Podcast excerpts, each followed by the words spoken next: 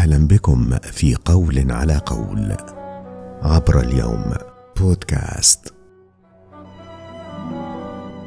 من فصاحة لغتنا العربية البيان والظهور بالألفاظ الظاهرة المعنى في اللغة والنحو والأدب المألوفة الاستعمال عند العرب.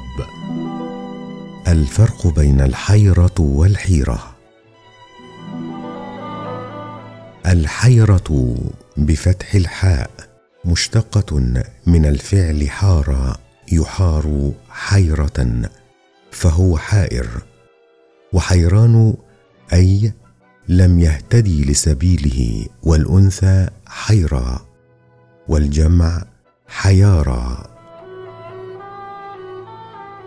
أما الحيرة بخفض الحاء بلدة قرب الكوفة بالعراق وهي مشتقة من حاري. وحيري والنسبة إليها حيري.